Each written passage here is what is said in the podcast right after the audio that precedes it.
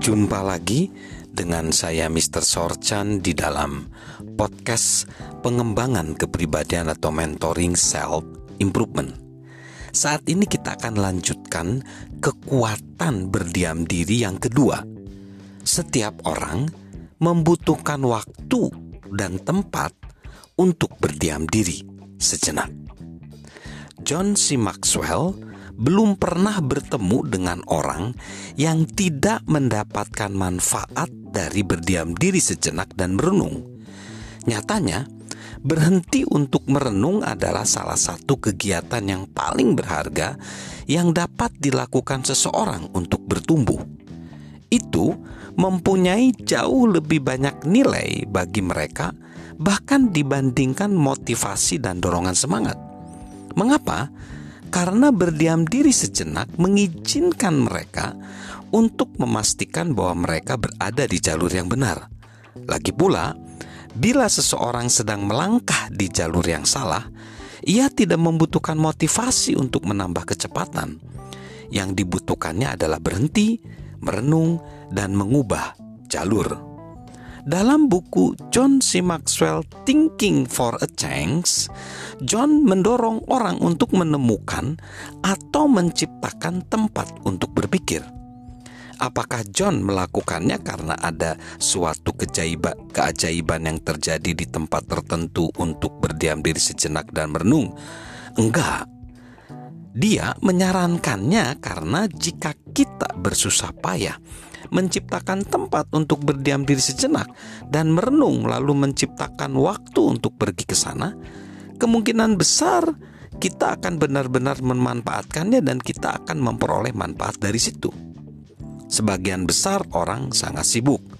Ada banyak tuntutan kepada mereka dan mereka tergesa-gesa dari satu tempat ke tempat yang lain dalam upaya menyelesaikan segala urusan.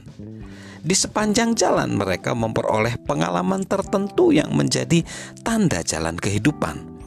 Mereka pergi ke suatu tempat atau menghadiri suatu acara atau berjumpa dengan seseorang yang dengan suatu cara menandai mereka seumur hidup karena sesuatu yang penting terjadi.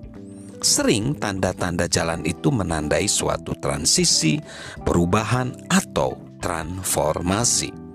Kalau kita tidak meluangkan waktu untuk berdiam diri sejenak dan merenung, kita dapat kehilangan arti kejadian-kejadian semacam itu.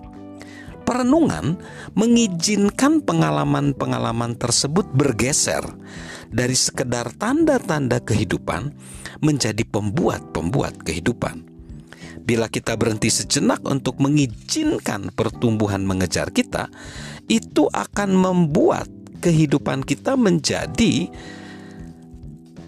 lebih baik karena kita tidak hanya lebih memahami arti dari apa yang telah kita alami, tetapi kita juga dapat mewujudkan perubahan dan perbaikan jalur sebagai hasilnya.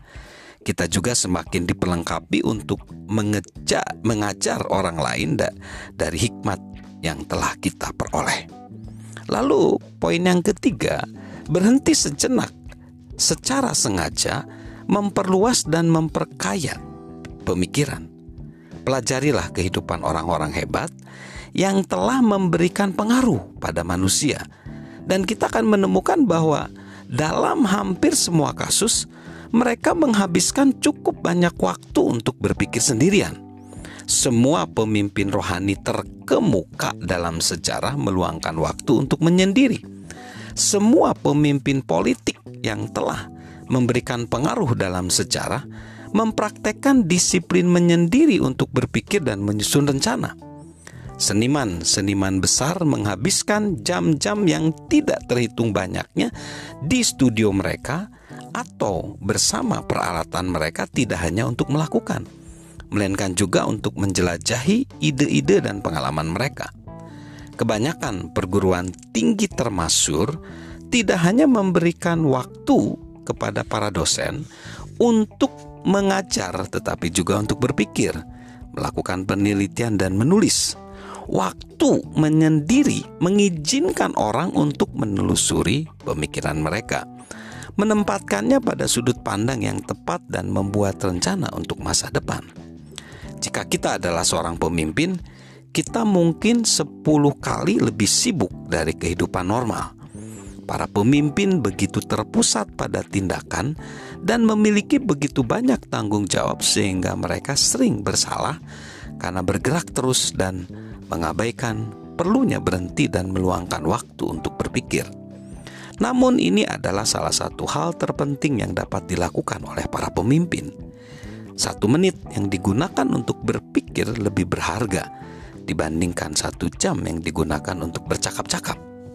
Jadi, John mendorong kita untuk menemukan tempat untuk berpikir dan mendisiplinkan diri sendiri untuk berdiam diri sejenak dan menggunakannya. Karena itu memiliki potensi untuk mengubah kehidupan kita. Itu juga dapat membantu kita untuk memahami mana yang benar-benar penting dan mana yang tidak. Penulis dan pastor Katolik Henry GM Nguyen mengamati, jika Anda mampu berdiam diri di tengah kegiatan dan urusan Anda, keberhasilan dan kegagalan Anda perlahan-lahan dapat kehilangan kuasanya atas Anda.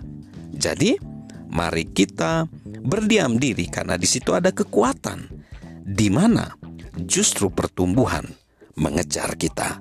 Salam sukses luar biasa. Salam sehat selalu dari saya, Mr. Sorchan. thank you